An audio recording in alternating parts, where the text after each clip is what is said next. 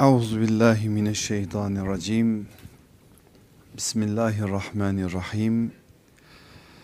Elhamdülillahi rabbil alamin. Ves salatu vesselamu ala rasulina Muhammedin ve ala alihi ve ashabihi ve etbaihi ecmaîn. Kıymetli kardeşlerim, Cenab-ı Hakk'ın çok açık bir beyanıyla kulluğumuzun kalitesinin ortaya çıkaracak en önemli vesilelerden bir tanesinin de ona yaptığımız dualar olduğunu öğreniyoruz. Duanız olmasaydı Rabbiniz size niye değer versin ki ifadesi aslında bu manada o değeri kazanacağımızın neresi olduğuna dair de bize bir işarette bulunur. Dua müminin silahı, ibadetin beyni, Allah'a bizi yaklaştıracak en önemli sıla ve bağ. Ve biz bazen nasıl gerçek dua edebiliriz noktasında da sıkıntılar çekiyoruz. Onu bize öğreten de aziz kitabımız ve o kitabımızın yegane tebliğcisi ve tebyincisi olan sallallahu aleyhi ve sellem efendimizin beyanları oluyor. Biz Kur'an'dan da birçok güzel dua örnekleri okuyoruz. Aleyhissalatü vesselam Efendimizin kutlu lisanından da bu manada birçok dua örneği okuyoruz, görüyoruz. Malumunuz Kur'an bir dua ile başlar. Aslında kitabın bir yönüyle ilk kapağındaki Fatiha o açış süresi duaya ait de çok önemli hakikatleri ortaya koyarak bize Rabbimize nasıl yakaracağımızı, neleri öncesinde isteyeceğimizi, neleri geriye bırakacağımızı da öğretmiş olur. Birçok o Kur'an'da geçen dua örneklerini burada zikredebiliriz ama ben bugünkü konumuzla alakalı bir örneği sizlere aktararak sözlerime başlamak istiyorum. Ali İmran suresinin 190 ve 195. ayetleri Kur'an'ın o güzel numunelerinden, dua numunelerinden bir tanesidir. Orada ilk ayetler duanın nasıl yapılacağını gösterir bize. 195. ayette bir yönüyle o duanın aslında nasıl Allah katında icabet gördüğüne ait de çok önemli işaret verir bize.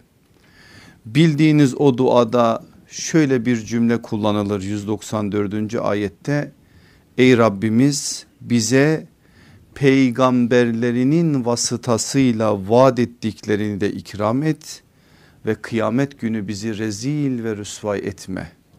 Şüphesiz sen asla vaadinden dönmezsin.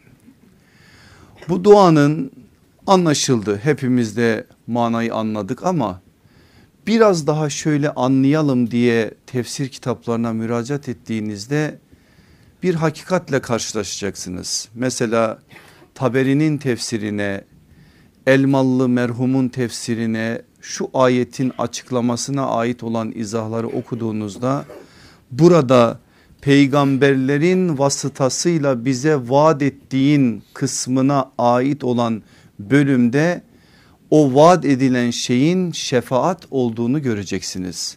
Ve orada tefsirlerde aslında onların lisanıyla bize aktarılan o güzel müjdelerden bir müjdenin de şefaat olduğuna ait olan o bilgi şefaat meselesinin bir müminin dünyasında nerede durması gerektiği konusunda da çok güzel bizlere bir mesaj verir.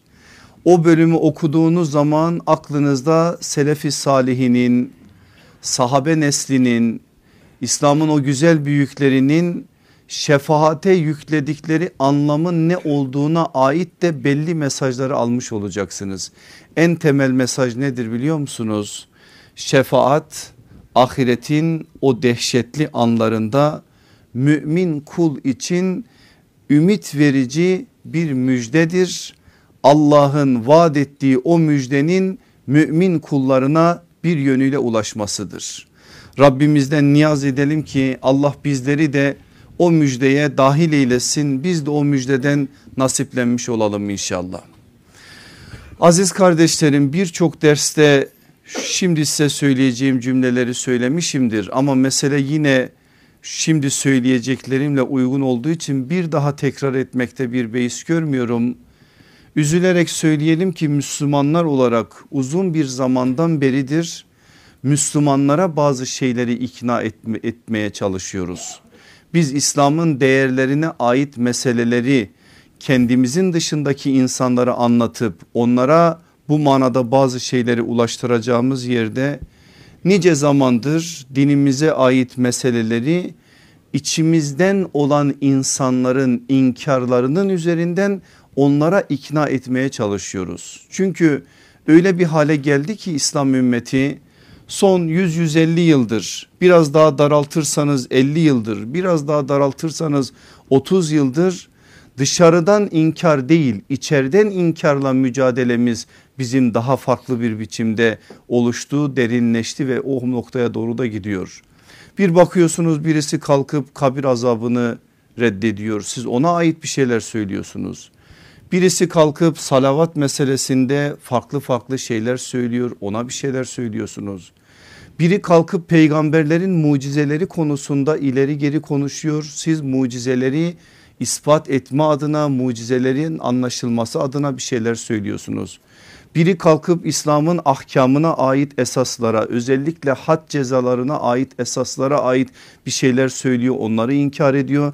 Siz onlara ait bir şeyler söylüyorsunuz. Biri kalkıp rejim meselesini reddediyor ona ait bir şeyler söylüyor. Siz o inkarı ispata ait bir şeyler söylüyorsunuz. İle ahir bu meseleleri sadece karşınızda yine sizin gibi Müslüman olan caminin içinden sizinle aynı adı taşıyan aynı safta duran aynı Allah'a iman ettiğini söyleyen aynı kitaba iman ettiğini söyleyen insanlarla bu meseleleri tartışmak zorunda kalıyorsunuz.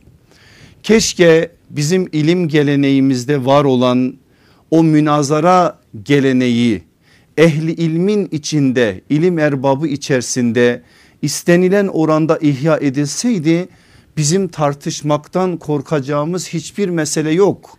Biz her meseleyi tartışırız tartışırız konuşuruz deliller getirilir o delillere karşı deliller söylenir ama münazara ahlakına uygun bir biçimde meseleler ele alınır. Umumun nazarında değil ehli ilmin içinde bunlar yapılır altyapısı olmayan insanların akıllarına şüphe düşürecek, şüphe oluşturulacak meselelere ve tartışmalara girilmez.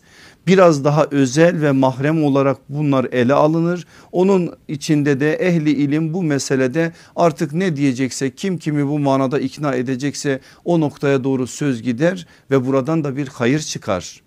Ama böyle yapılmıyor ne yazık ki. Çünkü genel anlamda karşıdaki insanların seviyesi hiçbir şekilde dikkat edilmeden bu insanların altyapısı var mı yok mu bu manada belli şeylere hiç dikkat etmeden umumun nazarında sosyal medyada internette televizyonda şurada burada gerçekten anlaşılması çok zor olan meseleler bile çok rahatlıkla bazıları tarafından tartışma meselesine dönüşüyor ve o tartışmalardan da hayır çıkmıyor. Aslında çıkan tek şey İslam'ın değerlerine karşı zihinlerde oluşan şüpheler içlerine düşürülen vesveselerden başka da bir şey olmuyor.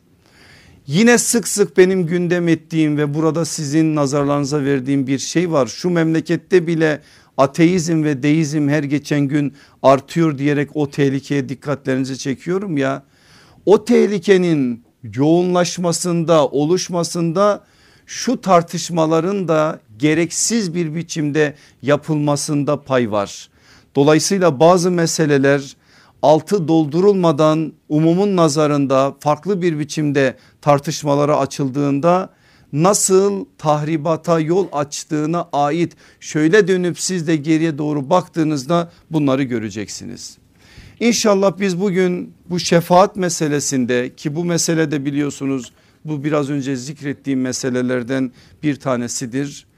Doğru anlamaya çalışacağız. Yani gerçekten Allah'ın kitabında peygamber sallallahu aleyhi ve sellemin bu manadaki beyanlarında o iki kaynaktan beslenen ve o iki kaynağın oluşturduğu ilk cemaat olan sahabe cemaatinde bu işin nasıl olduğunu anlama adına bir gayret vereceğiz ki Rabbim inşallah bana yardım eylesin.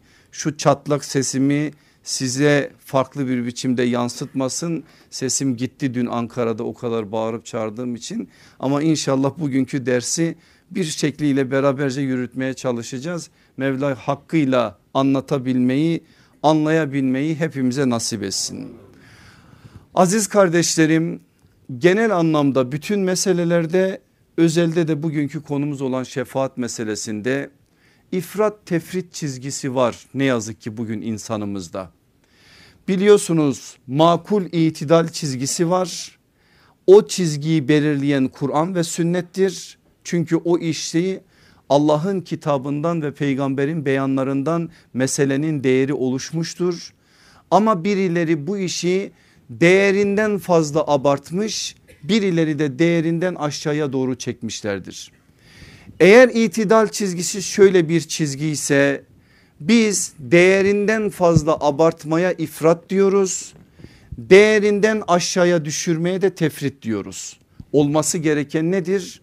olması gereken itidal çizgisi mutedil çizgi vasat ümmetin gereği olan o vasat çizgi o çizgiyi de ben bu itidaldir diyerek isimlendirmem onu itidal çizgisi yapmaz.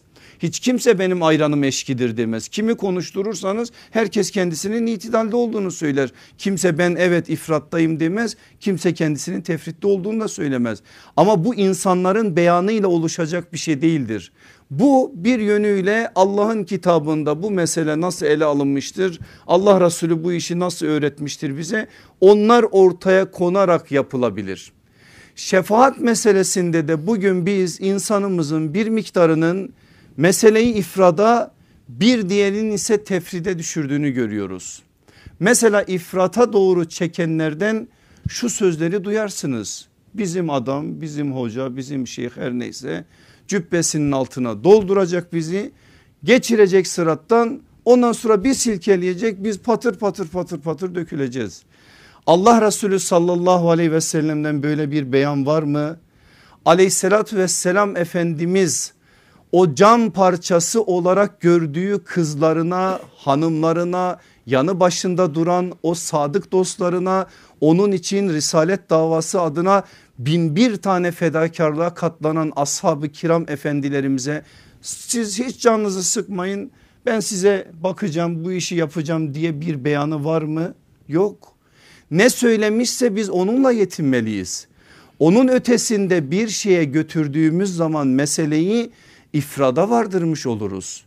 Allah Resulü'nün de selefi salihin dediğimiz o büyük insanların da Tamam bize gönül verdiniz biz sizi bir kirbit kutusuna dolduracağız. Kirbit kutusunu açacağız içinden çıkacaksınız. Hem de sineklere dönmüş bir biçimde sinekler ufak olduğu için oraya gireceği için böyle bir acı bir tablo bu insanı sevindirecek bir şey değil. Bir acı tabloyla resmetme ve böyle tasvir etme şefaat meselesini böyle el ayağa düşürme gibi bir şeyle biz onları görmeyiz. Bu ifradın aslında vardırdığı nokta meselenin diğer ucunu besliyor. Zaten uçlar hep birbirlerini beslerler. Her zaman için böyledir. Bir yerde bir uç varsa onun karşısına bir başka uç çıkar. O uç o ucu besler birbirleriyle mücadele veriyorlarmış gibi gözükse de görüntüde zahiren öyle olsa da her zaman için o uçlar birbirlerini besleyen iki kaynak gibi aslında birbirlerinin en önemli destekleyicisi olurlar bir tarafta ifrat noktasında şefaat meselesini torpille, adam kayırmacılığa sadece mensubiyetten kaynaklanan bazı şeylerin ödülüne, taltifine bağlı olarak anlatan ve ah, anlayan bir zümre var. Bir tarafta da tefrit var. O ne diyor? Şefaat meselesi müşriklerin meselesidir. Mekke'deki cahili Araplar bunu söylüyorlardı. Kur'an da bunların hepsini reddetti Böyle bir şeyin dinde yeri yoktur. İslam buna asla müsaade etmez. Böyle bir şeyi kabul etmek Kur'an'ın ruhuna vahyin ruhuna aykırıdır. Bu mesele tamamen Kur'an dışı bir meseledir. İslam dışı bir meseledir. İfrat çizgisinde bu varken tefritte de bu var. Mutedil çizgide ne var? İtidal çizgisi bunu nasıl söyler? Buna ait bazı şeyleri de söyleyeceğim. Şimdi bu ön bilginin dışında bir noktaya daha dikkatlerinizi çekip öyle konuya girmek istiyorum. İslam'ın yaşanabilirlik noktasında Allah Resulü sallallahu aleyhi ve sellem'den dini aldığı gibi sonraki nesillere nakleden İslam'ın ana yoluna biz ehli sünnet vel cemaat diyoruz. Ehli sünnet vel cemaat sonradan oluşan fırkalardan bir fırka mezheplerden bir mezhep değil İslam'ın ana yoludur. O ana yoldan sapanlar fırkaları oluşturmuşlardır ve bu sapmanın dört tane ana kolu vardır. Başkaları da var ama dört tane ana kolu vardır. Mutezile vardır, mürciye vardır, şia vardır ve hariciler vardır. Bu dört tane ana kola bakın şöyle ilginç bir şey göreceksiniz.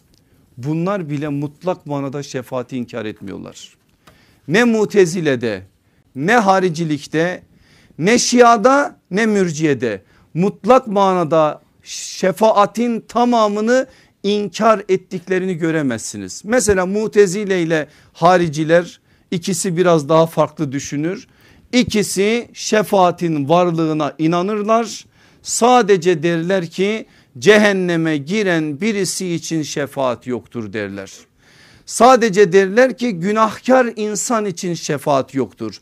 Yoksa mutezile bile harici, hariciler bile şefaatül uzma dediğimiz bizim bir önceki derste aktardığımız mahşerin meydanında hesabın başlaması için Allah Resulü sallallahu aleyhi ve sellemin yaptığı o şefaati o büyük şefaati kabul ederler. İşin Şia ve mürci ayağında ise şefaat tamamen kabul edilir. Muhtevaya ait onlarda da farklılıklar vardır. O da işin ayrı bir boyutudur. Ama gelin bu modern zamanlardaki temel fırka olan modernizm fırkasına bu fırka İslam tarihindeki dört tane o fırkayı bile gölgede bırakacak şeyler söylüyor. O dört tane fırkadan iki tanesi mutezile ve hariciler şefaati tamamen inkar etmiyorken modernizm fırkası ne yazık ki şefaati tamamen inkar ediyor. Ve onların söylemediği onların bile varmadığı noktalarda bu meseleyi farklı bir boyuta taşıyarak mutlak manada red yolunu inkar yolunu giriyorlar. Onların ne söylediklerini ben size teker teker anlatacak değilim ama bu hafta özellikle baktım şefaat meselesini ben önceki yıllarda da çokça irdelemiş bir kardeşinizim ama özellikle bu hafta biraz daha baktım. Ne diyorlar mesela modernizmi e, benimseyen ve bu manada farklı görüşler ileri süren insanlar neler söylüyorlar? Tek tek somut anlamda şeyler söylemeyeceğim ama genel anlamda söylenenleri size söyleyeceğim. Dört maddede özetleyebiliriz. Diyorlar ki şefaat inancı İslam'da yoktur. Müşriklerde ve bazı batıl inançlarda olan bu anlayış sonraları İslam'a sokulmuştur.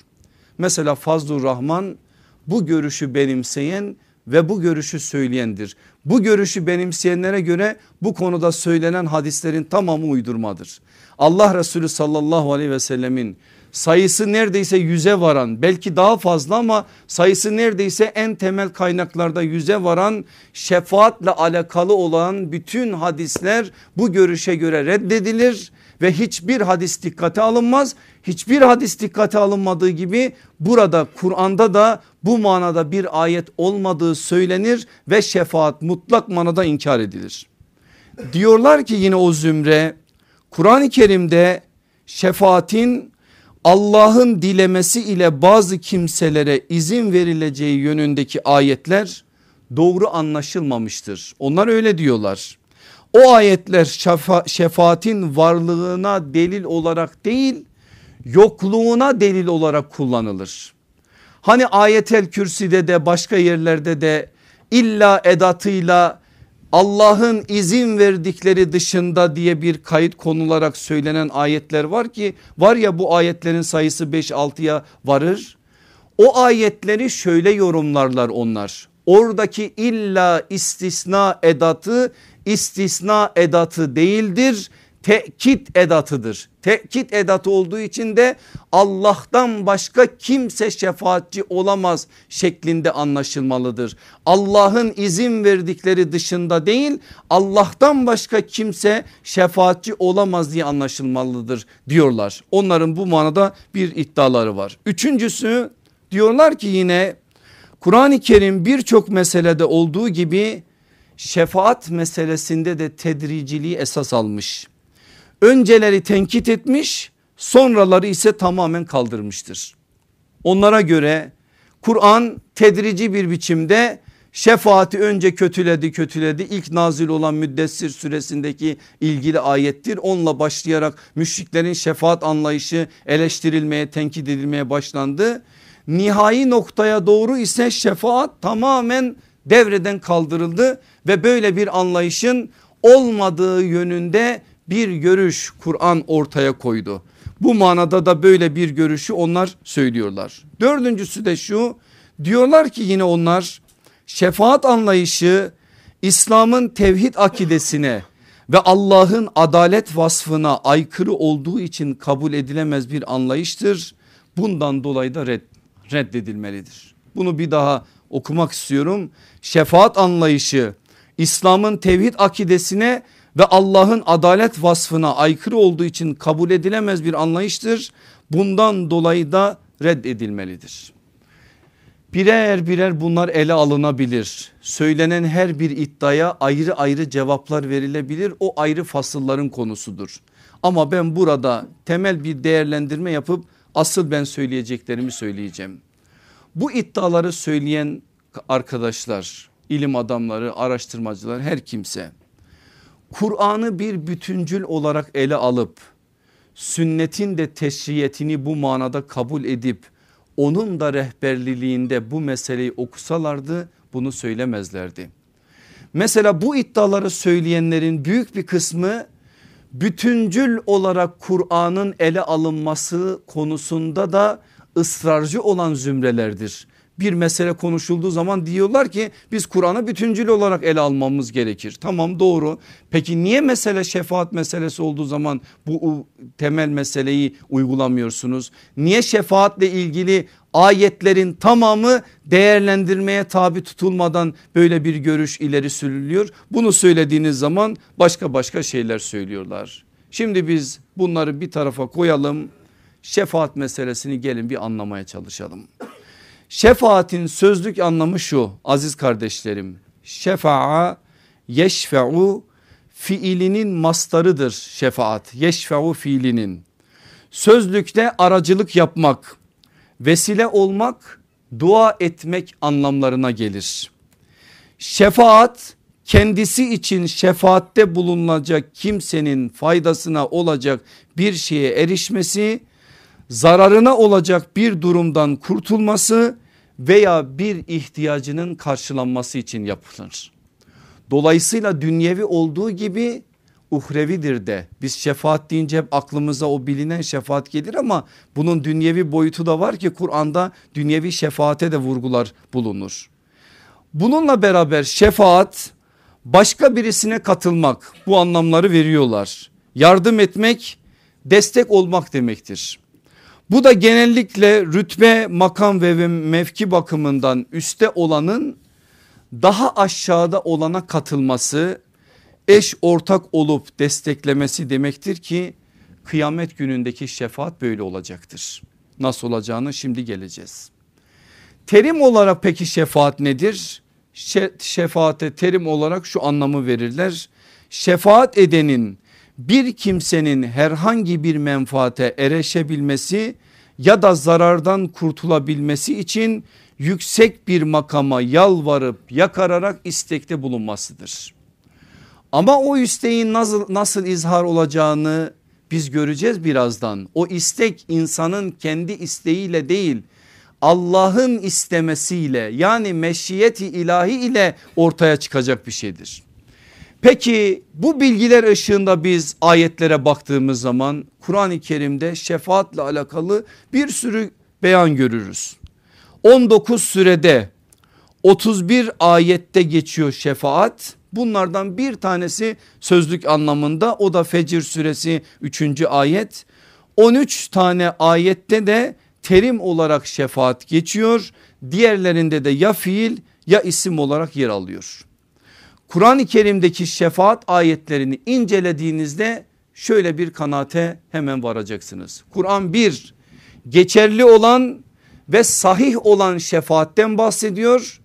Bir de geçersiz olan ve batıl olan şefaatten bahsediyor. Demek ki Kur'an'ın şefaati anlattığı yerdeki ifadeleri dikkatle okuduğunuz zaman hepsinin aynı olmadığını görüyorsunuz.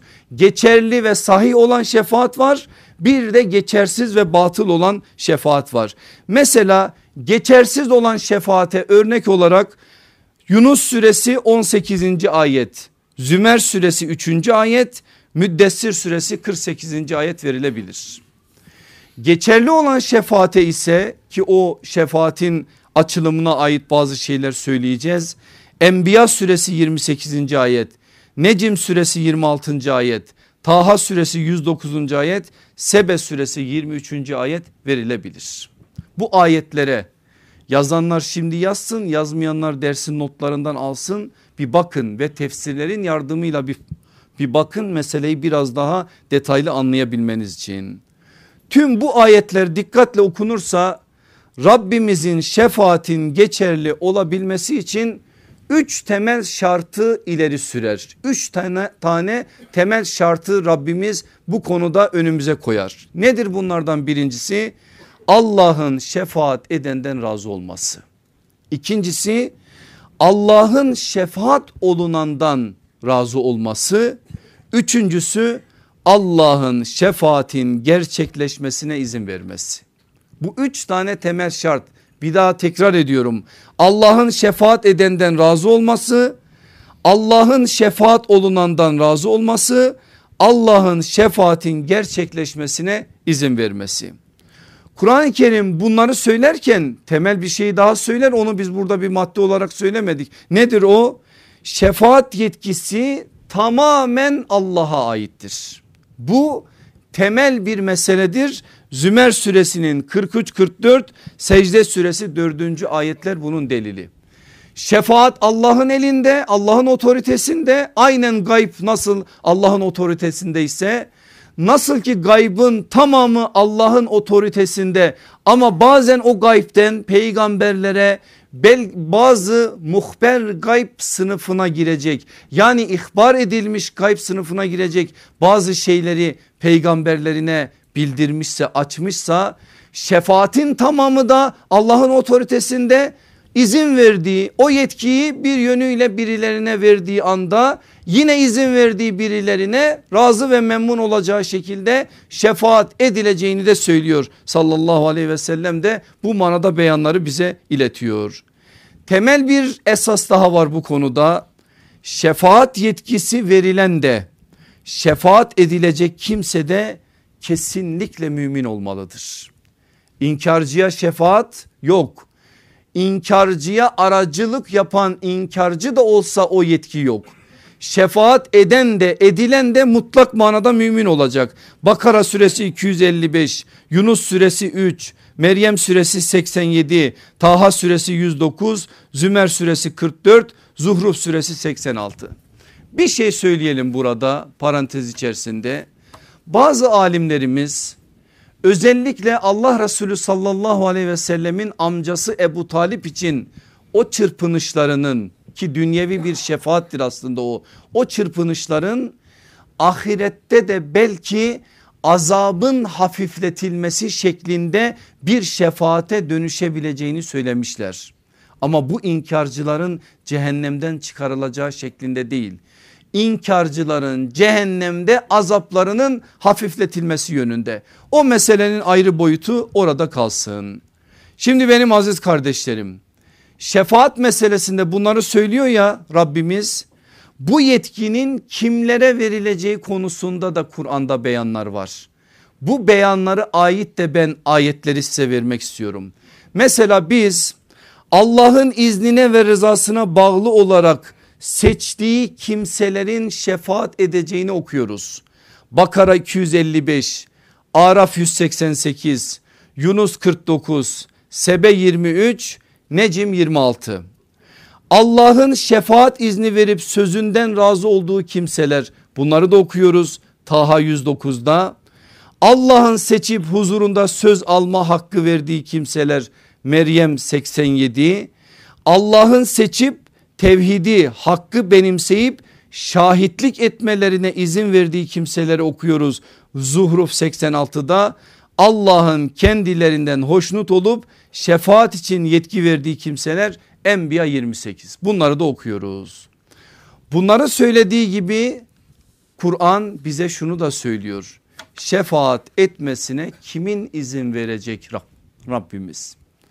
Bu izni kimlerin eliyle kimlerin vesilesiyle yapacağı da ayetlerde belli. Bakın biz hadislere ya da başka bir izahlara girmeden bile Kur'an'ın bu konudaki beyanlarını bütüncül bir biçimde okuduğumuz zaman zaten taşlar yerine oturuyor. Başka bir şeye ihtiyaç yok. Ama biz biraz sonra hadislerle de meselenin biraz daha açılımına ait nasıl olacağına dair izahları okuyacağız. Ama Kur'an ona ihtiyaç vermeyecek şekilde meseleyi ortaya koyuyor.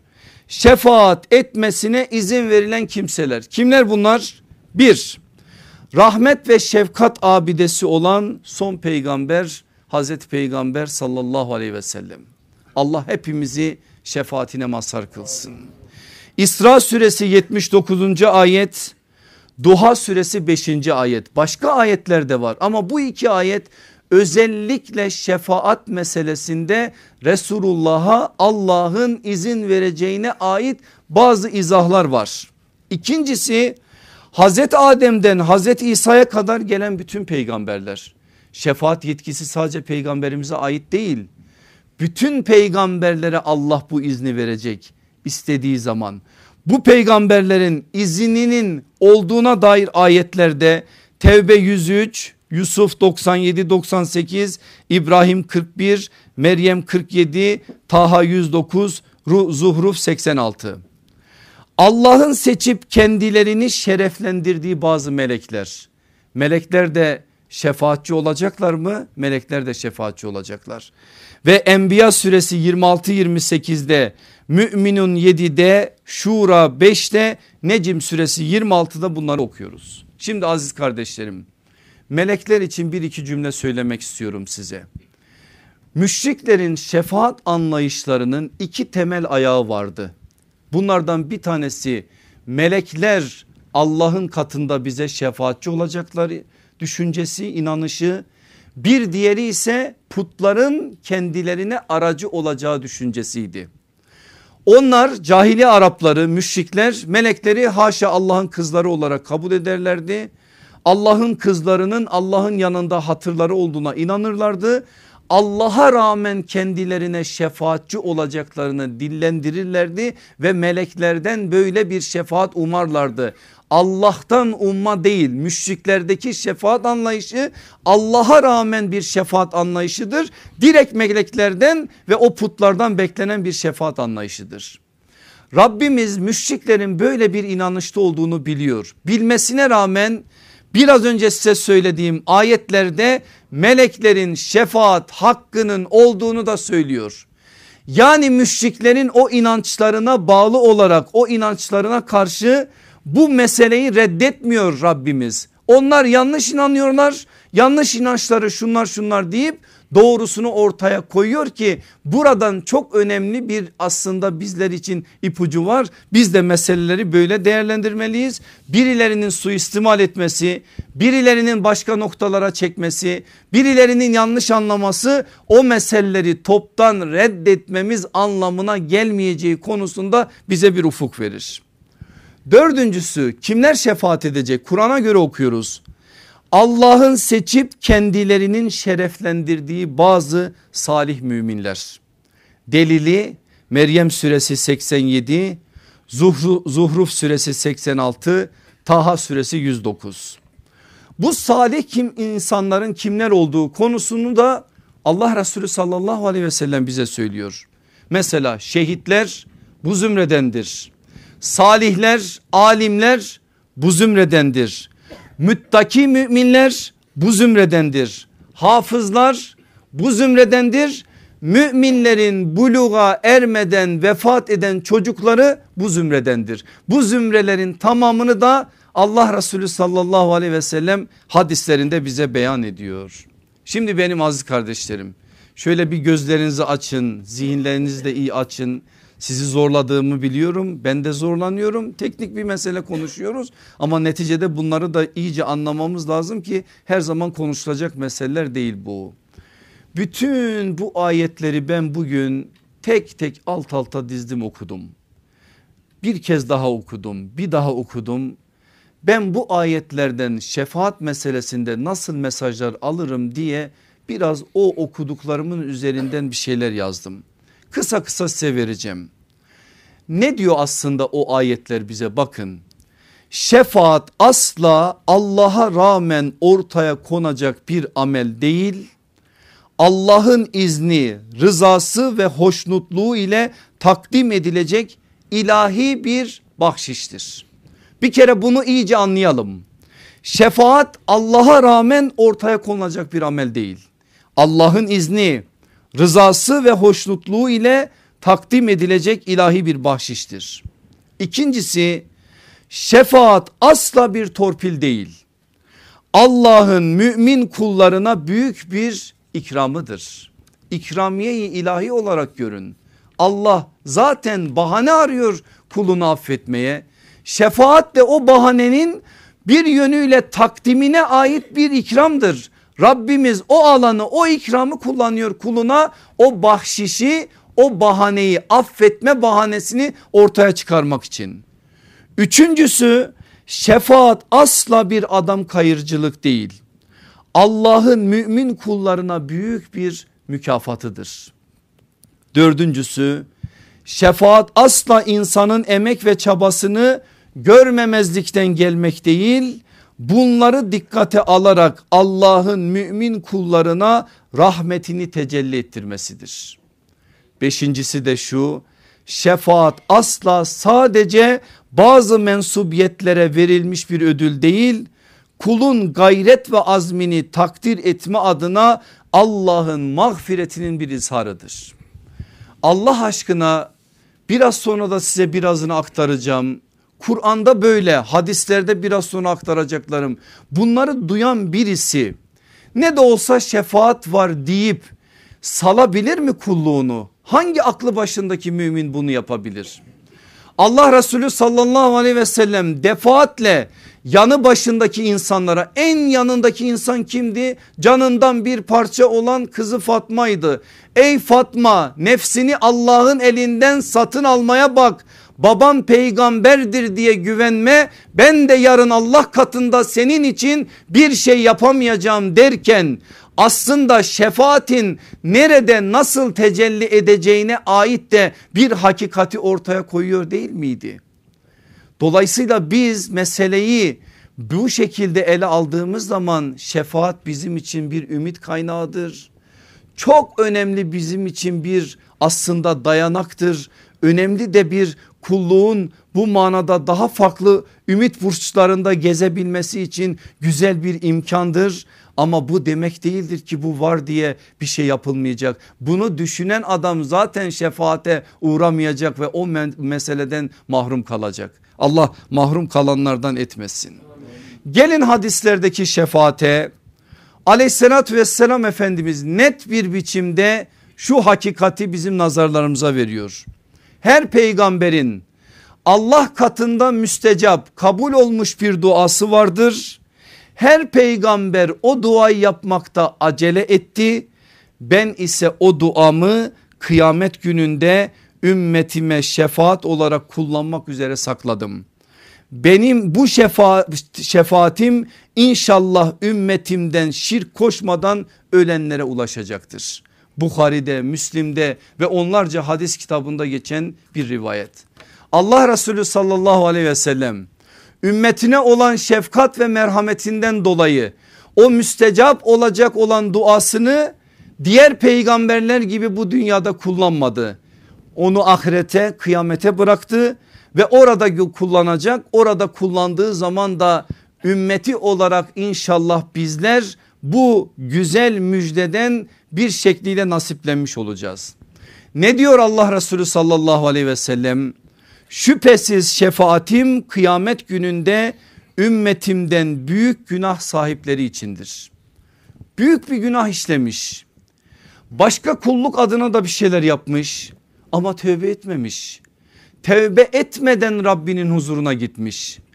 Allah Resulü sallallahu aleyhi ve sellem de benim şefaatim bunlar içinde olacak diyor. Sadece bunlar için değil bunlar içinde olacak diyor. En fazla hadislerde eleştirilen, tenkit edilen, reddedilen kısımda burasıdır. Çok ilginçtir. Allah Resulü sallallahu aleyhi ve selleme nispeti konusunda hiçbir şüphesi olmayan bu hadis, bu nebevi beyan aslında kullar olarak bizim daha farklı bir biçimde ümitlerimizin artmasına vesile olması gerekirken tenkide maruz kalmış. Neden büyük günah işleyen peygamber sallallahu aleyhi ve sellemin şefaatine mazhar olacak.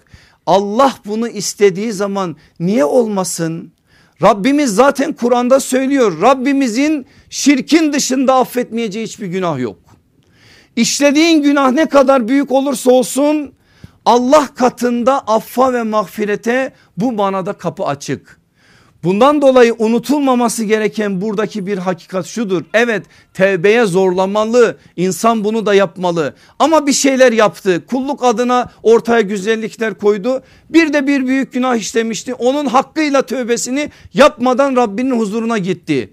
Allah onun hesap defterlerini açtığı zaman o büyük günahı bütün günahlarının üstünde olarak onun huzuruna çıktığı zaman yapılan bazı iyiliklere bağlı olarak Allah peygamberine o ümmetinin ferdi için şefaat izni verebilir. Bu müjdeyi Allah Resulü sallallahu aleyhi ve sellem bize veriyor ki bu bizim için büyük bir müjdedir. Başka bir hadiste diyor ki Efendimiz ben kıyamet gününde Adem oğullarının efendisi yerin yarılmasıyla kabirden ilk çıkacak olan ilk şefaat isteyen ve kendisine ilk olarak şefaat hakkı verilen olacağım. Bu da yine Müslim'de ve Tirmizi'de geçen bir hadis. Kabbi Malik çok daha farklı bir şey bize aktarıyor. O büyük şair Allah Resulü'nün sahabesi ki doğruluğu Kur'an tarafından tasdiklenmiş birisidir biliyorsunuz. Diyor ki Efendimiz sallallahu aleyhi ve sellem bir gün şöyle buyurdu. İnsanlar kıyamet günü diriltirler. Ben ve ümmetim bir tepe üzerinde bulunuruz. Rabbim bana yeşil bir cübbe giydirir. Sonra bana şefaat izinli verilir. Ben de Allah'ın dilediği kadar niyazda bulunurum. İşte benim elde ettiğim o makam makamı Mahmud'dur makamı Mahmud'un ne olduğunu ortaya koyan çok temel bir hadistir bu. Allah Resulü sallallahu aleyhi ve sellemin şefaat makamı onun elde edeceği o makamı Mahmud'dur. Şimdi benim aziz kardeşlerim 15. derste yani bundan iki ders önce şefaatin nerelerde olacağına ait beş başlığı verdim size. Hatırlayanlar hatırlayacaklardır. Neydi onlar? Mahşer yerinde mahşerin sıkıntılarından kurtulmak ve hesabın başlaması için. Bu şefaatül uzma ve bunun nasıl olduğunu gördük o derste. İnsanlar beklemekten yorulacaklar insanlar birkaç peygamberden sonra Allah Resulüne gelecekler. Allah Resulü sallallahu aleyhi ve sellem de arşın önüne gidecek secdeye kapanacak Allah'a dua edecek böylelikle hesap başlayacak. Bu şefaatül uzma mahşerde hesabın başlamasıyla alakalı Allah Resulü sallallahu aleyhi ve sellemin şefaatinin nasıl ortaya çıkacağına ait de en önemli alanlardan birisi o. İkincisi bazı müminleri hesapsız cennete koymak için onu da gördük mu ayette o, o derste 15. derste Allah Resulü sallallahu aleyhi ve sellem bazı şeyleri isteyecek Allah da verecek 70 bin diyor ki o 70 bin rakamı çok büyük ihtimalle kesretten mecazdır inşallah daha fazladır ve inşallah biz de onun içindeyiz hesapsız sualsiz Rabbimiz tarafından cennete gönderilecek o şefaat orada öyle tecelli edecek. Üçüncüsü azabı hak edenlerin bağışlanması. Dördüncüsü günahkarların cehennemden çıkarılması. Beşincisi cennetliklerin derecelerinin yükseltilmesi. Şimdi ilk ikisini söylediğim için oraya tekrar girmeyeceğim. Üçüncüsü azabı hak edenlerin bağışlanması için. Bu başlık altında cereyan edecek şefaat birkaç şekilde olacak. Hadisler bunları bize anlatıyor. Mesela bir kul Allah'ın huzurunda hesaba çekildiği zaman günahlarıyla sevapları eşit olacak. Aslında o eşit olduğu zaman orada bir hüküm olduğunda hüküm beyan edilecek. O hükmün müjdesini Rabbimiz şefaat yetkisi verdiği birilerine yaptıracak. Bu bir peygamber olabilir, bu bir alim olabilir, bu bir hafız olabilir, bu başka bir şey olabilir. Biraz önce saydığım sınıflardan herhangi biri olabilir. Olur ki eğer kulun günah kefesi sevap kefesinden ağır olursa hüküm nedir orada? Cehenneme gidecek. Günahının bedelini cehennemde ödeyecek. Ama Rabbimiz yine bazı şeylere bağlı olarak o kulunun üzerinde o güzel müjdeyi tahakkuk ettirmek için o şefaat yetkisine haiz olan insanlara yine o insana şefaat etmesi için izin verecek. Dolayısıyla azabın cehennem ile değil azabın cennet müjdesiyle müjdelenmesi için de şefaatin Allah Resulü ve diğer şefaat yetkisi verilen bazı kesimler tarafından söyleneceğini buradan öğreniyoruz. Dördüncüsü ki en sıkıntılı olanları yani tartışma noktasında en sıkıntılı olanı bu. Günahkarların cehennemden çıkartılması için. Günahkar atıldı cehenneme bir miktar orada azabı tadıyor azabını bir şekliyle orada bedelini ödüyor. Sonra Rabbimizin yine bir rah rahmeti şefaat izni veriyor birilerine ve birileri cehennemde olan müminlerin kurtarılması için Allah'tan af talep ediyorlar. Allah'tan şefaat istiyorlar. Allah da bunu tecelli ettiriyor. Bu nasıl olacak? Nasıl oluyor? Nasıl bunun tasvirleri var? Buna ait de birçok şey var ki ben size Ebu Said el-Hudri'nin naklettiği bir rivayeti nakledeyim. Onun üzerinden biraz anlamış olalım. Burada Ebu Said el-Hudri diyor ki Allah Resulü sallallahu aleyhi ve sellem bir gün bize bir hutbe irade ediyordu. O hutbede Taha suresinin 74. ayetini okudu Doğrusu kim Rabbine kıyamette suçlu olarak gelirse onun yeri cehennemdedir. Orada ne ölür kurtulur ne de hayatı hayat sayılır. Cehennemin o dehşetli anı ne ölür kurtulur ne de orada geçirdiği hayat hayat sayılır. Ayetini okuyunca bize şöyle dedi. Hakkıyla cehennemlik olan kimselere gelince şüphesiz ki onlar cehennemde ne ölürler ne de dirilirler. Lakin bir takım insanlar vardır ki günahları hataları sebebiyle kendilerine ateş isabet etmiş ve onları adam akıllı öldürmüştür. Yani azap onları perişan etmiştir. Buradaki öldürmüştür meselesi mecazi bir mesele. Yani onları onlara çok ızdırap vermiştir. Nihayet o ateşten yanıp kömür oldukları zaman onlar hakkında şefaate izin verilecek ve takım takım getirilerek cennet nehirlerine dağıtılacaklar. Sonra cennetliklere hitaben ey cennetlikler şunların üzerine su serpin denilecek bu süretle sel kalıntısında ot biter gibi bitecek üzerlerinde cehennemin hiçbir emaresi kalmayacak.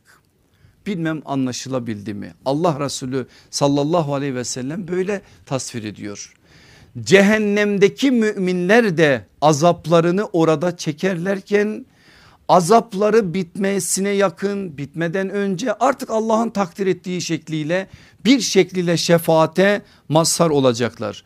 Bunun en sonunun nasıl olacağını bakın Allah Resulü sallallahu aleyhi ve sellem Bukhari'de Müslim'de geçen bir rivayette bize nasıl söylüyor. Diyor ki Allah bütün insanlara bu manada şefaati kullandırdıktan sonra diyecek ki peygamberler şefaat etti. Melekler şefaat etti. Müminler de şefaat etti. Artık şefaat sırası bana geldi. Rabbimiz diyor. Ondan sonra cehenneme elçilerini gönderecek. Sadece kafirler kalacak cehennemde. içlerinde yüreklerinde hardal tanesi kadar iman olanlar da çekip çıkarılacak ve cehennem kafirlerin yurdu olarak kalacak ve onlar orada ebedi kalacaklar. İşin neticesinde Allah'ın şefaati de böyle tecelli edecek. Hiçbir mümin ebedi olarak cehennemde kalmayacak. Ama o ana kadar o azabı tatmaları Zaten o azabın tadılmasına ait şeyleri şimdi biz cehennemi işlediğimiz derslerde göreceksiniz. Öyle çok burada anlatıldığı kadar kolay değil. Mesele zaten oraya varmadan bir şekliyle o rahmete muhatap olmaktır. Bütün mesele de o olduğu için biz bunları zaten anlatıyoruz. Beşincisi burada cennetliklerin derecelerinin yükseltilmesi için Allah Resulü sallallahu aleyhi ve sellem söylüyor. Cehennem derece derece bazı dereceler çok üst mesela Firdevs gibi. Kul cenneti kazanmış ancak o başka bir derecedeyken şefaat orada onun derecesini yükseltmek için tecelli edecek. Allah izin verecek orada o şefaat tecelli edecek ve o kulun cennetteki derecesi yükselmiş olacak. Şimdi benim aziz kardeşlerim şöyle bir soru aklınıza gelebilir. Madem af mağfiret Allah'ın istediğini affeder istediğini etmez. Niye bunu yapsın ki? Kendisi affetsin olsun bitsin. Niye ille de birilerine şefaat adına izin versin? Bunu niye tecelli ettirsin ki? Bunun ille de olması gerekir mi? Allah istese eğer neticeyi bildiğinden dolayı bu manada başka şeyler de yapamaz mı? Yapar. Ama burada başka bir şey var. Onu gözden kaçırmamamız lazım. Anlayabilmemiz için ben bir somut örnek vereyim size. Bir baba anne düşünün. Evladı var, oğlu var, kızı var neyse. Emek veriyor ve onun hafız olması için elinden ne geliyorsa onu ortaya koyuyor. Uykusuz kalıyor, onun için uğraşıyor, maddi anlamda ona destek olmak için imkanlarını seferber ediyor. Hafızlık zor çocuk nazlanıyor etmem diyor yapmam diyor. Babası annesi çocuğun nazıyla uğraşıyor. Akrabaları sen bu çocuğu niye köreltiyorsun niye bunu böyle yapıyorsun diye 40 tane şey söylüyorlar. Bütün o akrabaların sözlerine kulak asmadan bu manada bir şeyler yapıyor ve derken o kul çocuğu hafız olarak yetiştiriyor. Sonra o anne ve baba yaşayacağı ömürde İnsan hepimiz insanız ve günahların içerisindeyiz. Günahları artıyor artıyor artıyor ve işin neticesinde de hayatı sonlandırıyor. Gelip o mahkeme-i kübrada defterler açıldığı zaman sevaplar bir tarafa günahlar bir tarafa konunca e, günah kefesi biraz fazla oluyor. Böyle olunca da aslında o, o insan artık anne ise babaysa hükmü cehennem onu verecek. Ben bunları kendimden söylemiyorum. Anlayasınız diye size böyle tasvir ediyorum. Tam da bunları Allah Resulü sallallahu aleyhi ve sellem biraz daha farklı ifadelerle bize anlatıyor. O anda kulun hükmü verildiği anlarda boynu bükük azap melekleri cehenneme onu götürecek görevli melekler tarafından tutulup götürüleceği sırada Allah o hafız olan oğlunu gönderiyor anne ve babasına. Git diyor onlara şefaat için izin verildiğini söyle diyor. Allah aşkına şöyle bir o tabloyu zihninizde bir çağrıştırın. O hafız çocuğun o andaki sevincini nasıl izah edebilirsiniz?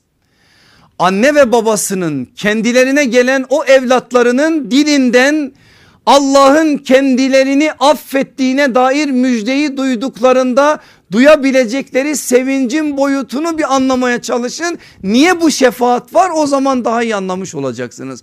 Aslında şefaat hem yapana hem yapılana Allah tarafından verilmiş bir ödüldür. Sadece bir taraflı değil o şefaat yetkisi verileni de Allah onurlandırıyor şereflendiriyor o şefaat yetkisini alanın şefaat yaptığı da bu şereften onurdan nasiplenmiş oluyor. Düşünebiliyor musunuz? Niye var? Niye var sorusuna ait bir cevap ki Allah Resulü sallallahu aleyhi ve sellemin onlarca farklı beyanından başka başka şeyler de biz okuyoruz. Peki benim aziz kardeşlerim ne yaparsak şefaati hak edebiliriz. Bunu da bize söylüyor mu sallallahu aleyhi ve sellem Efendimiz? Evet söylüyor. Bakın ben hadislerden çıkardım kestirmeden hızlı hızlı söyleyeceğim size. Kelime-i tevhidi hakkıyla söylemek ve gereğini yerine getirmek. Şefaate insanı mazhar kılabilir. Allah Resulü söylüyor. Kelime-i tevhidi hakkıyla söylemek ve gereğini yerine getirmek. Diyor ki sallallahu aleyhi ve sellem Efendimiz kıyamet gününde şefaatinle en çok kim mutlu olacak şeklinde bir soru sorulunca ona dedi ki kıyamet gününde şefaatimle en çok mutlu olacak kişi samimi olarak gönülden halis ve muhlis bir biçimde la ilahe illallah diyen kişidir. Bu hadisi unutmayın en son bu hadise bir daha sizi götüreceğim biraz daha sebebi vuruduyla birlikte hem ne götüreceğim. Başka bir hadisinde aleyhissalatü vesselam Efendimiz diyor ki benim şefaatim Allah'a ortak koşmadan ölenlere Allah'ın izniyle mutlaka ulaşacaktır. Allah'a ortak koşmadan ölenlere Allah'ın izniyle mutlaka ulaşacaktır. Şimdi siz diyeceksiniz ki der misiniz demez misiniz bilmem ama diyebilirsiniz. Diyeceksiniz ki e tamam biz yırttık paçayı zaten bizim dünyamızda şirk yok biz bu işten inşallah bu mazhar olacağız. Valla bu kadar kolay değil aziz kardeşlerim. Biz şu anda bir kere biz zihnimizi toparlayalım bu meselede. Biz şirk deyince halen aklımızda filmlerde izlediğimiz şeyler geliyor. Lat geliyor, Uzza geliyor, Menat geliyor. E tamam onlar put onlar da bizim hayatımızda yok. Dolayısıyla biz de paçayı yırtmışız zaten bizim hayatımızda şirk mirk olmaz diyebiliyoruz. Şeytan bize bunları dedirtiyor. Tevhid ve şirk meselesi kıyamete kadar devam edecek bir meseledir ve bir müminin muvahhidin en önemli meselesi o tevhidi zedeleyecek her türlü tavırdan uzak durmaktır. Putlar halen var şekilleri değişse süretleri değişse adları değişse halen var ve halen bizi aslında Allah'a ortak koşmaya sevk edecek şekilde de bütün imkanlarını seferber etmiş bir biçimde pusuda duruyor. Ne olur bu la ilahe illallah gönülden halis bir biçimde la ilahe illallah deme meselesini basite almayın. Bu öyle basit bir mesele değil terazinin dengesini sarsan bir kelimedir bu kelime. Bir kelime iniyor terazinin dengesi sarsılıyor. Demek ki bu kadar ağır bir kelime bizim söylediğimiz kadar kolay bir kelime değil. Eğer bugünün dünyasında söylendiği kadar ucuz olsaydı emin olun Mekke'nin en akıllı adamı olan Ebu Cehil söyler ve işin içinden çıkardı. Ama Ebu Cehil o sözü söylemediyse Demek ki bu söz başka bir söz bizim anladığımız gibi değil. Ebu Cehil'e Allah Resulü Ebu Cehil dedi. Adamın adı Ebu Cehil değildi. Cehaletin babası dedi Resulullah sallallahu aleyhi ve sellem ve müminler. Adamın aslında lakabı Ebul Hakem'di. Hikmetin babasıydı. Hikmetli iş yapan adamdı. Böyle bir lakabı olan adama cehaletin babası dedi ki Ebu Cehil okuma yazma bilen 17 insandan bir tanesiydi Mekke'de. Böyle bir insana bunu söylemişse Allah Resulü sallallahu aleyhi ve sellem ve bu insanda la ilahe illallah kelime-i tayyibesini ta Bedre gelene kadar söylememişse bizim durup bu ağır cümlenin aslında bize ne yüklediğini aslında halis bir kalple la ilahe illallah demenin ne demek olduğunu bir kez daha düşünmeye sevk etmelidir. Onun için öyle burada verilen müjde ha biz uyduk buna değilip işin içinden çıkılacak bir şey değildir. Bunu unutmayalım. Şefaate kim mazhar olabilir? Allah Resulü söylüyor. Kur'an-ı Kerim ile irtibatı güçlü tutmak onun gölgesinde yürümek. Bu dünyada Kur'an'ı kendisine yoldaş edinen, sırdaş edinen, onunla irtibatı güçlü olan insan Kur'an'ın şefaatine uğrayacak inşallah o yevmül kıyamede.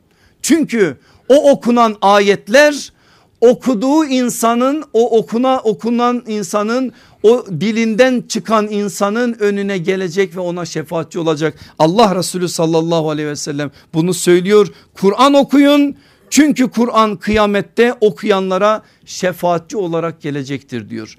Başka hadislerde söylüyor ama vakit daraldığı için ben orayı geçeceğim. Üçüncüsü namazın en büyük şiarı olan ezana hürmet göstermek ve onun çağrısına kulak vermek. Ezan müminin hayatını değiştirmek zorundadır benim aziz kardeşlerim. Ben bazen görüyorum gördüğüm zaman da çok üzülüyorum.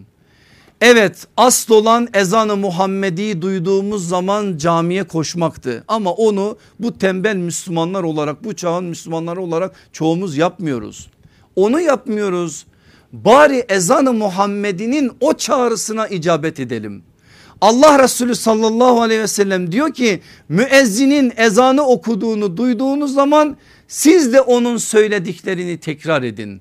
Bu tekrar meselesi oturuşu düzeltmeyi varsa hayatta bir düzensizlik onun içinden çıkmayı bu manada bazı şeyleri de yükler insana. Bu hürmet namaza hürmettir Allah'ın çağrısına hürmettir ve o hürmet insana şefaati kazandırtacak önemli bir şeydir. Allah Resulü sallallahu aleyhi ve sellem de diyor ki her kim ezanı duyar müezzinin dediklerini söyler sonra da o ezan duasını okursa ki onu biliyorsunuz kıyamet gününde o kimseye şefaatin vacip olur. Allah Resulü bu müjdeyi veriyor bize. Bu müjdeyi elde etmek için de kulun bu manada gayret içerisinde olması gerekir. Dördüncüsü kişinin vefatının ardından hayırla yad etmek ve gönülden cenaze namazına iştirak etmek.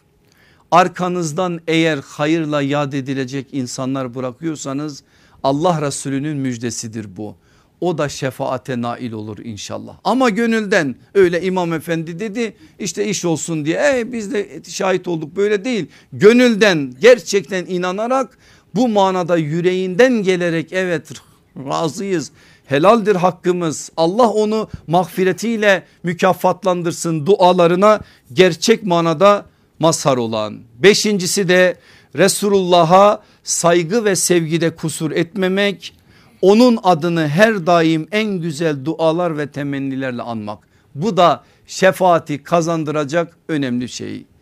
Peki kimler mahrum kalacak benim aziz kardeşim kardeşlerim şefaatten? Kafirler birincisi onlar. Allah'a şirk koşanlar. insanlara zulmedenler ve adaleti yok edip kaldıranlar. Velev ki bunlar mümin bile olsa. Bu konuda Allah Resulü'nün çok ciddi beyanları var. İnsanlara zulmedenler ve adaleti yok edip kaldıranlar. İnsanları aldatan ve kul hakkına riayet etmeyenler. Şefaat yok bunlara. İnsanları aldatan ve kul hakkına riayet etmeyenler. İnsanların itikatlarını ve inançlarını bozan bidatçiler. Bidatçiler de şefaate mazhar olmayacaklar. Allah Resulü sallallahu aleyhi ve sellemin beyanları da var. Yoruldunuz mu? Peki bitireceğim. İki şey söylüyorum ve bitiriyorum. Ebu Hureyre'nin naklettiği hadisi biraz önce başka bir şekilde naklettim. Hadisin önü çok güzeldir. Ebu Hureyre'nin de değerini anlayabileceğimiz bir şeydir. Geldi diyor bir gün sallallahu aleyhi ve sellemin yanına dedi ki ya Resulallah kıyamet günü şefaate kavuşacaklar kimler? Kimlerdir? Allah Resulü sallallahu aleyhi ve sellem çok sevindi Ebu Hureyre'nin bu soruyu sormasına.